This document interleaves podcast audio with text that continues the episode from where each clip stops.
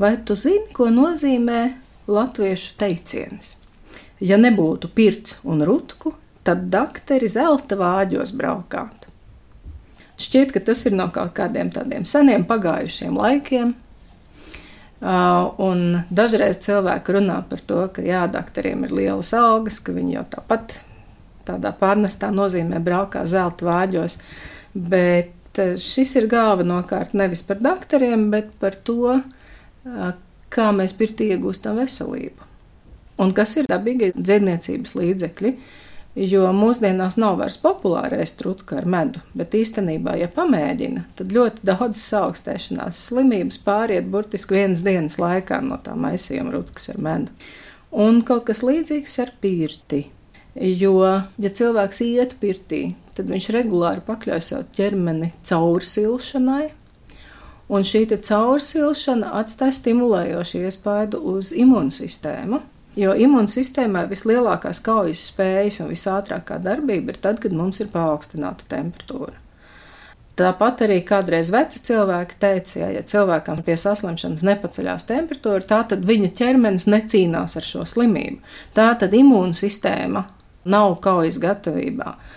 Tad, kad ir šī paaugstinātā temperatūra, tad imūnsistēma strādā pastiprināti un iznīcina dažādus vīrusus, dažādas baktērijas, kas nu tur mums nelāks ir iekšā gadījies, ar to imūnsistēma ir spējīga ļoti labi tikt galā.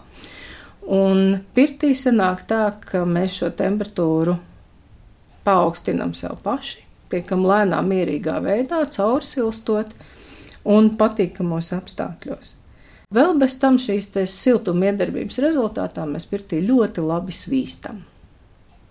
Un svīst visas ķermenis, āda mums ir vairāki kvadrātmetri, līdz ar to mēs no sevis izdalām stipri daudz šķidruma. Un es ar nolūku saku šķidrumu, nevis ūdens, jo mēs izsvīstam ārā ne tikai ūdeni, bet mēs izsvīstam ārā arī dažne dažādus sāļus, kas ķermenī ir izveidojušies kā šlakvielas un kas traucē normālai vielu apmaiņai. Un līdz ar to šī svīšana ir ļoti labs organisma attīrīšanas veids. Nav jādara nekas speciāls. Nav vajadzīgas speciālas diētas vai speciālas medicīniskas manipulācijas. Izsvīstot jau daudz kas sakārtojas. Un, protams, mēs arī aktivizējam asinsriti tādā veidā. Un bieži vien tas, ka kaut kādas mūsu ne tikai ķermeņa daļas, kādreiz arī galva nevisai labi funkcionē. Tas galvenokārt ir saistīts ar asinsrites traucējumiem un ar to, ka kādai daļai netiek pietiekoši labi piegādāts skābeklis.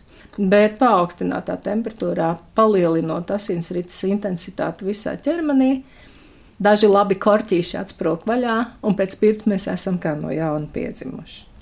Un vēl viens tāds papildus bonusiņš ir tas, ka pirtī mēs parasti vienkārši gribam labi justies, un līdz ar to mēs atļaujamies arī psiholoģiski atbrīvoties, atstāt savas problēmas aiz pirts durvīm ārpusē un atļaut sev labi justies. Un tā ir tāda brīnišķīga sajūta, kas pastiprina šo pēc pirces esmu kā no jauna piedzimusi.